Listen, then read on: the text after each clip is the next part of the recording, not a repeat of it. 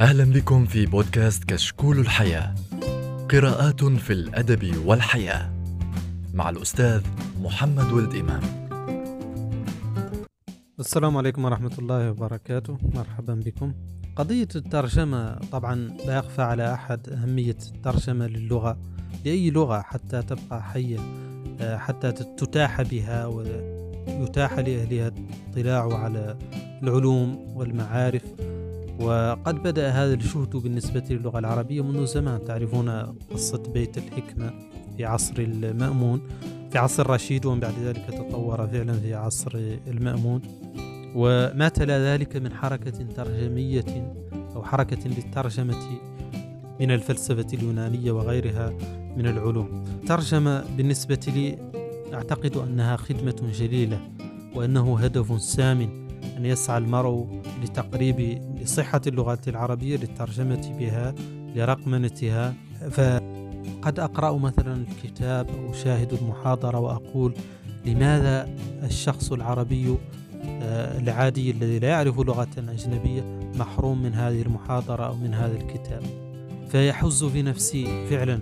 أن نكون مجرد لأننا أميون في اللغات الأخرى أو لأننا لا نعرف إلا اللغة العربية أن نكون محرومين من أمهات الكتب الأدبية من, من المحاضرات الكبيرة الكثيرة. وإتاحتها باللغة العربية جهد فعلا جهد كبير ولكنه أيضا خدمة جليلة لهذه اللغة. فقد تطوعت مثلا في مترجمين تيدكس آه، ليسمى تيد توك. على على اليوتيوب وقد تطوعت بعدة مجالات أنا وعدة جماعات أخرى معي لإتاحة هذا المحتوى للقارئ العربي. فيمكنك أن تشاهد مثلا آه، محاضرة قد, قد تغير حياتك قد تفيدك في عملك قد تفيدك في تجارتك إذا كنت تاجرا قد تفيدك في آه، فهم الحياة. آه، مثلا إذا كانت عملا أدبيا كبيرا أو إذا كانت رواية أو غير ذلك من الكتب المؤثرة. هذا كان دافعا لي للترجمة ومحاولة سد الفراغ والفجوة الكبيرة بين اللغة العربية واللغات الأخرى في المعارف والعلوم المختلفة. طبعا الترجمة لا بد لها من الاطلاع على الثقافات الأخرى. لا يكفي أن تعرف اللغة فقط ولكن لا بد أن تعرف السياقات أيضا. السياقات الثقافية التي ولد فيها هذا النص مثلا والروح مثلا. روح النصوص كما يقولون.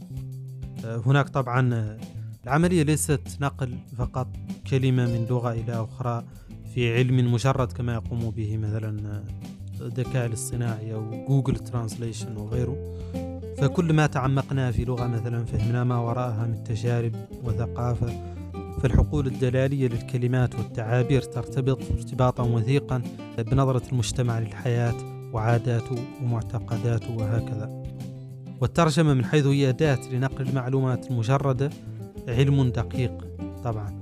ولكن أيضا فن جميل لنقل الآداب والفنون الجميلة. فحسب رأيي مثلا كي نترجم الشعر ينبغي أن نكتب شعرا لا أن ننقل النص الأصلي حرفيا. ولكي نترجم رواية يجب أن نكون روائيين آه، في ترجمتنا لها. فحسب رأيي أن النص الأدبي مثلا المترجم هو نص جديد.